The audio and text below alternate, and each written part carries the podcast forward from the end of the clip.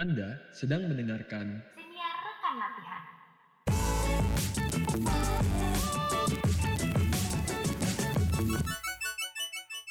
Halo semuanya, selamat datang kembali di Siniarkan Latihan, tempat kita belajar berlatih bareng, upgrade diri untuk menjadi lebih dewasa. Dan kali ini Shell, adalah hari yang sangat berbahagia. Sih, kenapa tuh bahagia? Nggak apa-apa, cuma senang aja karena akhirnya bisa rekaman lagi setelah sekian lama. Eh, setelah ada beberapa kesibukan lain, tapi akhirnya kita bisa rekaman lagi dan kita bisa bikin siniar lagi. Sih. Gue akan memulai diskusi kita hari ini dengan sebuah pertanyaan. Lu bantu jawab ya. Oke, siap. Apa-apa? Pertanyaannya adalah, pernah nggak sih lu itu membuat suatu kesalahan yang kemudian lu langsung minta maaf? Hmm, pernah dong. Ya, sebagai manusia yang memang gak luput dari apa ya, kesalahan ya, pasti pernah melakukan kesalahan dan gue langsung minta maaf sih. Jadi di pekerjaan gue ini tuh membutuhkan gue untuk bisa berkoordinasi dengan banyak pihak gitu kan, antara tim dan vendor dan vice versa. Dan kadang tuh semuanya ya nggak mulus berjalan gitu. Dan waktu itu tuh sempet salah pesen orderan dan jadi ketunda tuh deliverynya dong ke customer. Dan karena itu kesalahan gue, gue langsung minta maaf nih ke tim dan juga ke bos gue. Ya untungnya dimaafin sih, nggak nggak kena konsekuensi yang gimana-gimana. Cuman I feel bad aja sih. Oh, begitu ya. Kalau gue juga pernah buat kesalahan, tapi nggak langsung sadar, bukan nggak langsung minta maaf, Oh. bukan langsung sadar. Jadi kan beberapa waktu yang lalu di organisasi kita, gue tuh sering banget melakukan evaluasi ya kepada teman-teman supaya. Eee, mereka jauh lebih sigap gitu kalau misalkan ada apa-apa tuh langsung aktif. Kemudian beberapa waktu yang lalu juga ada beberapa kesalahan yang terjadi, sehingga gua akhirnya bikin beberapa kali evaluasi lah Mhm. untuk memperbaiki hal tersebut. Tentu dengan ya mungkin sedikit ada emosinya di sana, eee, karena gue juga frustrate terhadap apa yang terjadi. Tapi setelah itu gue sadar bahwa itu salah, Mmm. melakukan hal tersebut secara terus-menerus. Iya. Dan yang gue lakukan adalah minta maaf dan minta mereka untuk juga memberikan koreksi kira-kira apa yang baik dan gue mencoba untuk memberikan apresiasi atas semua kerja keras yang mereka lakukan dan itu ternyata baik gitu, hasilnya lebih baik lah daripada sebelumnya. Mhm mhm mhm. Bener sih. Karena kan kalau di apa ya, kalau orang dimarah-marahin mulu atau kita yang emosian terus juga nggak akan mencapai solusi yang baik nggak sih? Malah jadinya kayak, "Apaan sih marah-marah mulu?" Gitu kan. Malah Iya, jadi ya kooperatif lagi lah ke depannya. Tapi menurut gue penting sih ya untuk kita bisa mengakui kesalahannya kita gitu, walaupun memang membutuhkan waktu. Karena kan mungkin kita juga nggak sadar gitu sampai kita disentil atau disenggol gitu kan.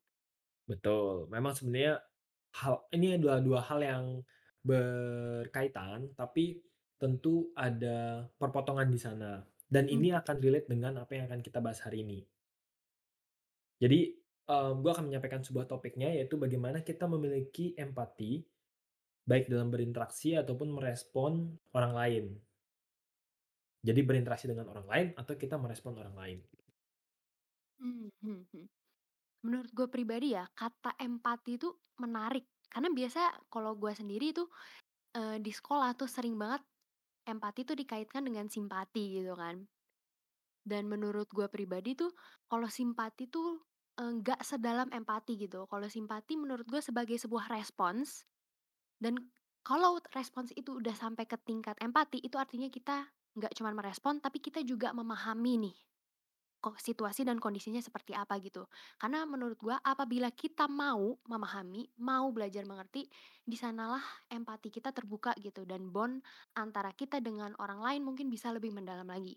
Di sebenarnya ini, eee, sangat-sangat deket nih sama gua karena gua barusan mengalami sesuatu beberapa hari yang lalu. Gue coba ceritain kali ya, Dam?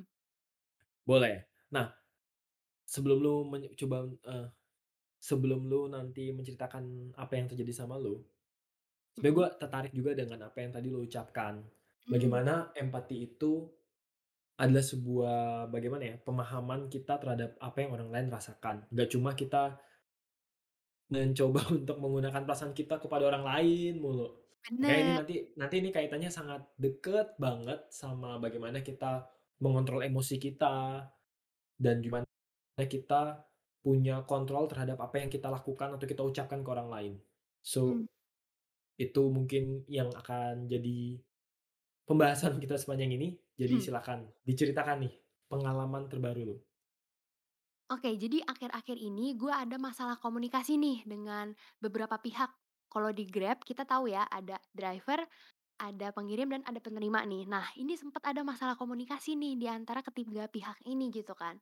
Nah, gue sebagai pihak yang penengah gitu, karena gue yang mesen Grab-nya, gue punya tanggung jawab dong. Dan akhirnya gue call nih si abang Grab-nya. Nah, bukannya kita melakukan diskusi, gue malah mendapatkan semprotan amarah yang luar biasa.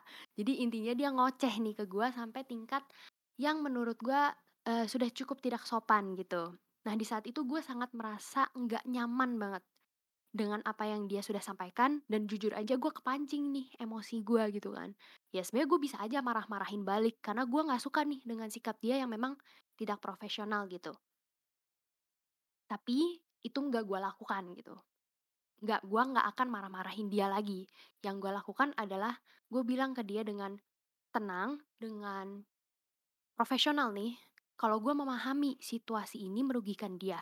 Dan gue ngomong nih kerugiannya apa aja yang sudah dia sampaikan berkali-kali gitu ke gue. Mungkin dia rugi secara uang dan juga rugi secara waktu gitu kan. Nah, tapi gue juga menyampaikan kalau situasi ini juga merugikan gue. Jadi di sini kita sama-sama rugi gitu. Gue juga menyampaikan minta maaf karena hal ini bisa sampai terjadi gitu ke dia. Dan seperti biasa dengan tenang, gue menawarkan solusi ke dia. Karena menurut gue kalau emosi-emosi terus nggak akan sampai nih ke titik tengahnya gitu kan. Dan setelah gue mengulang solusinya tiga kali ke dia karena dia masih marah-marah ke gue, akhirnya em, dia mungkin juga capek ya marah-marah dan akhirnya solusi itu diterima gitu. Ya, dari ceritanya Shelly tadi ada banyak hal yang gue highlight ya. Hmm, apa aja tuh? Yang pertama, berkaitan dengan empati ini, lu mencoba untuk mendengarkan apa keluhan dari abang Grab-nya. Hmm, bener, gue dengan sabar mendengar itu semua. Iya, abang Grab kan sebutannya ya, masih sekarang Iya. sama dong. Mm-mm. Ya, jadi kan dia pasti punya masalah, dia punya frustasi yang kita juga di posisi ini nggak paham. Tapi kalau kita ada di posisi itu, mungkin kita juga akan melakukan hal yang sama. Marah itu em, sebuah ekspresi yang simpel langsung aja keluar gara-gara kita ada di posisi yang tertekan. Dan kita- atau kita merasa sangat dirugikan. Mungkin dia juga sebenarnya nggak tahu lu siapa, ya kan? Dia nggak Oke. nggak nggak kenal lu secara personal. Ya dia nggak nggak bisa gampang aja percaya dan mem- meyakini bahwa semuanya akan baik-baik aja. Pasti dia punya insecurity tertentu. Sehingga akhirnya meluaplah emosi.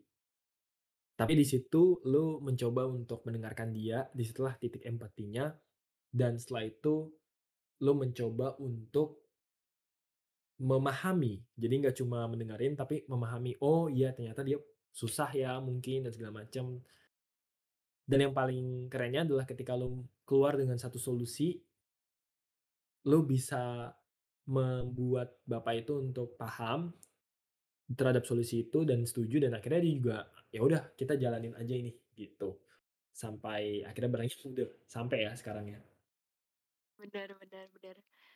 Iya sih, memang pengala itu menurut gue pengalaman yang cukup mengagetkan kan ya. Kan gue itu lagi posisinya abis kelas, abis kuliah, bener terus tiba-tiba eh kena semprotan, kan agak jedak-jeduk saya. Jujur pas gue lagi ngomong sama si bapaknya, gue gemeteran sih. Tapi cuman gue harus mengingatkan diri gue untuk tenang, bersikaplah profesional gitu. Dan di sini gue belajar kayak kita tuh, mmm, jangan hanya mau didengar sih, tapi kita juga belajar mendengarkan gitu. Kalau dari gue kan udah cerita nih, nah dari lu ada cerita nggak?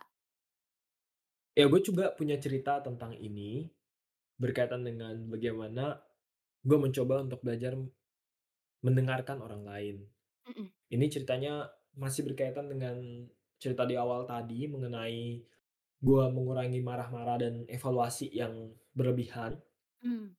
Oh berlanjut ceritanya, ya ya. ya ceritanya berlanjut di mana pada rap suatu rapat, gue ngumpulin semua teman-teman dari organisasi, kemudian gue membuat pengakuan kesalahan, bahwa gue menyesal sudah membuat hal tersebut, misalnya evaluasi, kemudian ada marah-marahnya dan segala macam, dan gue mengapresiasi apa yang mereka kerjakan.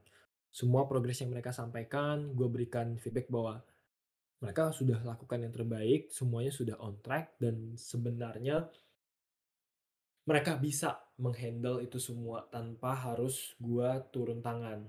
Karena posisi gue juga kan advisor ya, penasehat. Jadi gue punya kewajiban untuk memperbaiki apa yang mereka lakukan. Gue hanya memiliki kewajiban untuk menjaga mereka supaya nggak terlalu keluar dari apa yang seharusnya.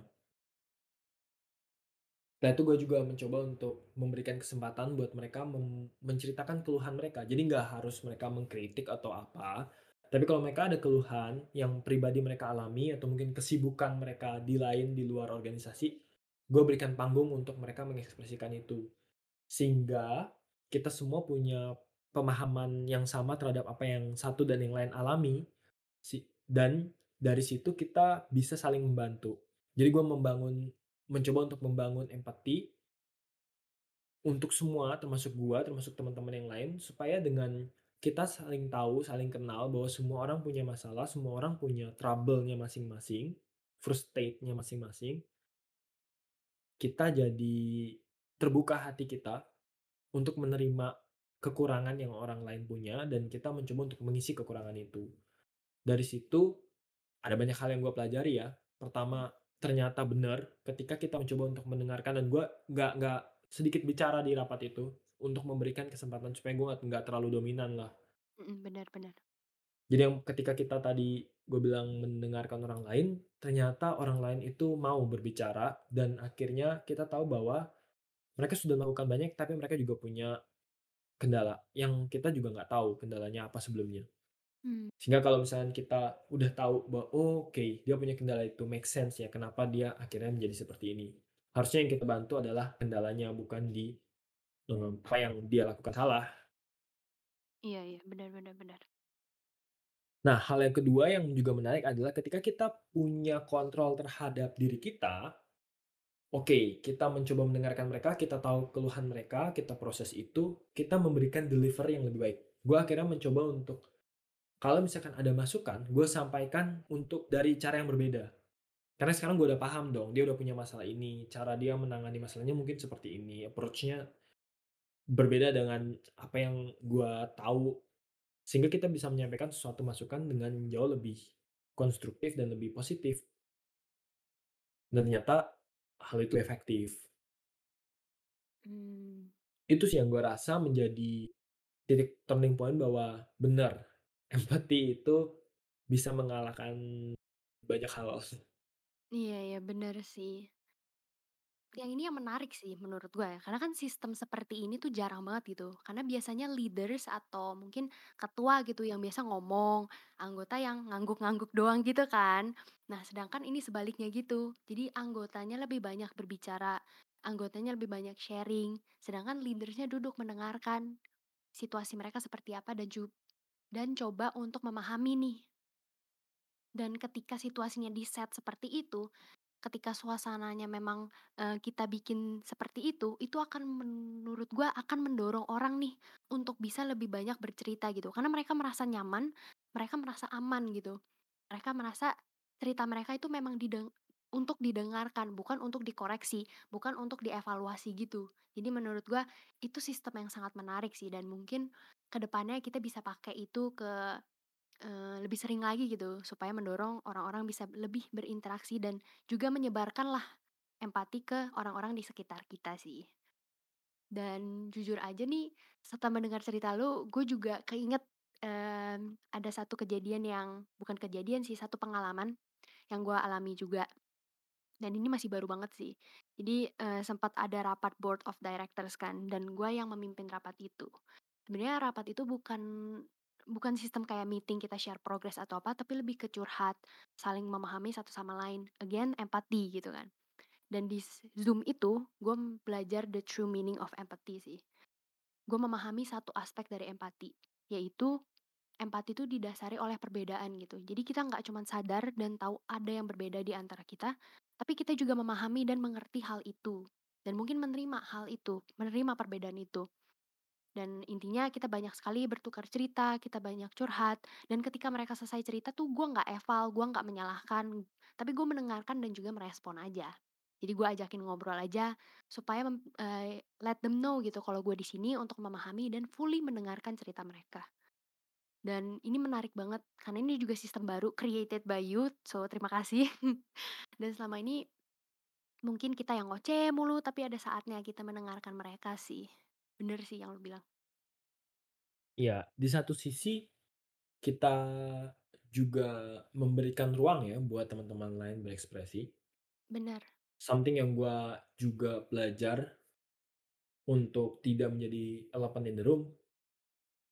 Nggak jadi sesuatu yang paling besar di ruangan, terus kita yang ngoceh-ngoceh ngoceh-ngoceh, dan lupakan bahwa orang lain punya opini yang juga sama pentingnya, Mhm. terlepas apa pun itu jabatannya. Tapi di satu sisi juga kita memberikan ruang buat kita bertumbuh. Bertumbuhnya dalam artian ketika kita mau menangkan sesuatu, kita perlu tahu medan perangnya seperti apa, betul kan? Benar sekali. Dalam hal ini ketika kita memahami anggota kita seperti apa, memahami teman-teman kita seperti apa, apa yang ada di pikiran mereka, kita memberikan celah untuk diri kita juga untuk bisa menangkap itu dan menjadikan itu peluang buat kita memenangkan uh, organisasi ini menuju ke misi yang kita tuju. Benar sih, ketika kita bisa nih memahami mereka, bisa mengerti situasi dan mungkin posisi yang sedang mereka alami gitu. Menurut gue kita malah bisa mencari solusinya bareng-bareng gitu. Solusi yang memang netral, bijak, dan dewasa gitu. Jadi kita masih bisa mendapatkan outcome yang terbaik untuk kita semua. Jadi nggak cuman outcome yang menyelamatkan muka gue di mata orang lain, tapi juga menyelamatkan muka mereka gitu di orang di mata orang lain juga. Dan menurut gue penting sih kalau misalnya kita bisa belajar mendengarkan dan juga memahami itu supaya ya intinya seperti kita mendapatkan data lebih banyak lah supaya bisa menghasilkan Hmm. sesuatu yang lebih akurat dan tepat gitu kan.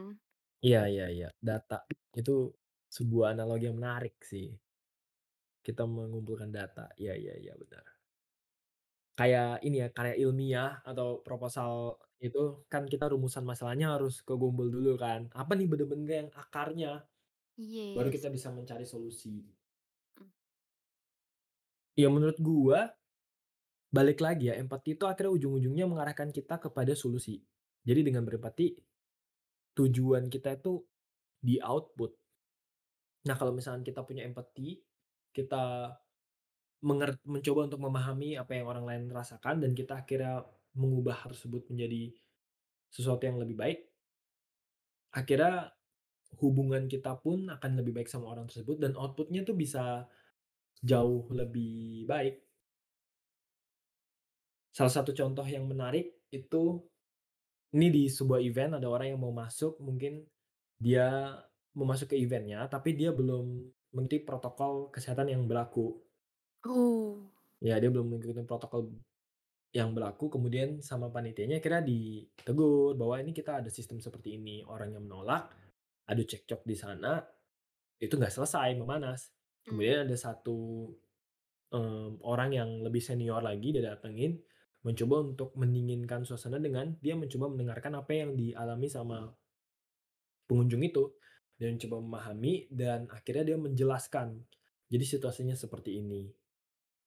Mmm. kita tidak bisa melakukan eee, tidak bisa memasukkan Anda kalau nggak mengikuti protokol karena kita ingin melindungi, eee, orang-orang yang di dalam panitia yang terlibat dan juga talent-talent yang terlibat karena mereka kan sangat vulnerable kalau misalkan ada apa-apa, event-nya nggak bisa jalan lagi. Dan dengan itu aja akhirnya pengunjungnya menjadi paham, ya dia mau akhirnya mengikuti yang sudah dianjurkan. Nah hal-hal sederhana seperti itu, membuat output yang berbeda nih, ketika Iya, kita benar benar. deploy di empathy. Mhm mhm mhm. Dan menurut gua ada satu hal penting lagi sih dari empati. Jadi menurut gue pribadi ya dengan berkaca dari cerita lu, empati itu punya power untuk membuat kita merasa atau menjalin sebuah bond gitu dengan orang. Jadi ketika Betul. kita merasakan empati, kita merasa terkoneksi gitu, kita merasa connect dengan orang lain. Jadi semacam kayak ada special bond yang memungkinkan kita bisa lebih dekat lagi supaya kita bisa memahami nih lebih dalam lagi situasi dan kondisi mereka seperti apa gitu dan akhirnya berujung-ujung pada solusi yang kita tawarkan baik untuk dia dan juga baik untuk kita gitu. Iya, karena sebenarnya kita itu nggak pernah 100% tahu dan mengerti apa yang orang lain rasakan atau apa yang orang lain hadapi. Masa lalunya seperti apa, latar belakangnya seperti apa, pikirannya saat ini seperti apa. Sehingga kalau kita deploy empati, itu bisa jadi cara buat kita untuk menghindari tindakan-tindakan yang gegabah.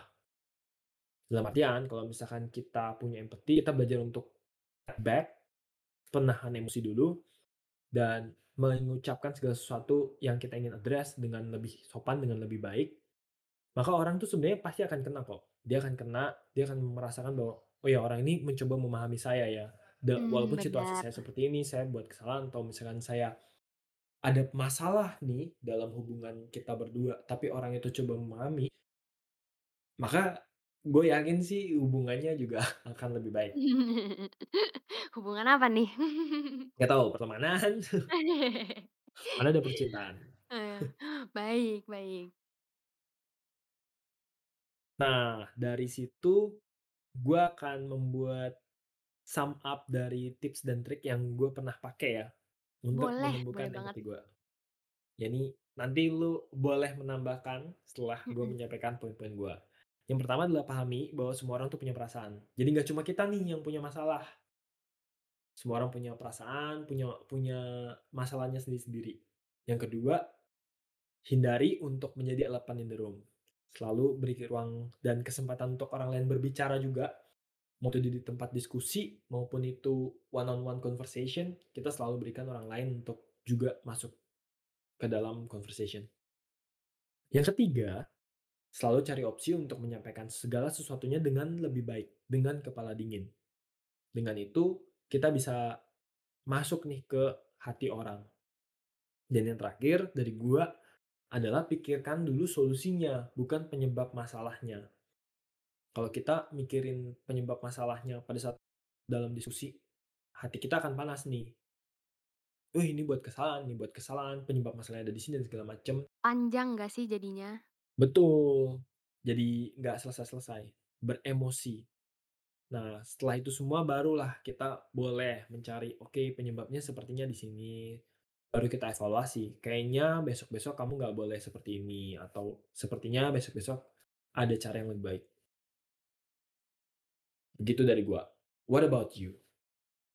Kalau dari gue pribadi sih sebenarnya udah cukup di-sum up dengan baik sama Adam, cuman mungkin tambahin satu aja, kalau misalnya kalian belum bisa nih untuk tidak emosi gitu, dalam menghadapi sesuatu hal yang mungkin di luar ekspektasi, menurut gue, eee, coba aja kita mundur sebentar, kita back off dari semua hal, dari laptop, dari chat mungkin, kita back off dan kita meminta waktu nih untuk kita bisa pikirkan, kita bisa renungkan, sekaligus kita menenangkan diri gitu. Karena ketika kita emosi, ketika kita tidak mem tidak mau memahami situasi orang lain seperti apa, itu akan mengaburkan pikiran kita untuk bisa mencari solusi yang lebih baik gitu. Jadi menurut gua, if you cannot be calm, you need to step back gitu. Menurut gue gitu. Yap. Itu tadi ya tips dan trik yang gue dan Shelly juga dapetin, baik itu dari pengalaman kita atau mungkin kita belajar dari orang lain atau dari temen ya ya. Dan dari sini, coba teman-teman boleh banget untuk ceritain pengalaman kalian dengan berempati dan gimana manfaatnya buat ke buat kalian sendiri. Nanti kalian bisa komen di postingan Instagram kita yang bakal up juga sekarang, dan kita bisa saling sharing dari sana.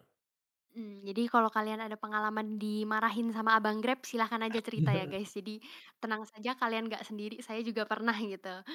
Dan iya sih, mhm, teman-teman jangan lupa juga untuk follow siniar dan Instagram kita di @rekanlatihan dan tentu saja turn on notification supaya kalian bisa terima nih updates dari kita secara langsung dan tentu saja kalau kalian mau request topik yang berkaitan dengan pengembangan diri yang pengen kita bahas gitu, DM aja di Instagram.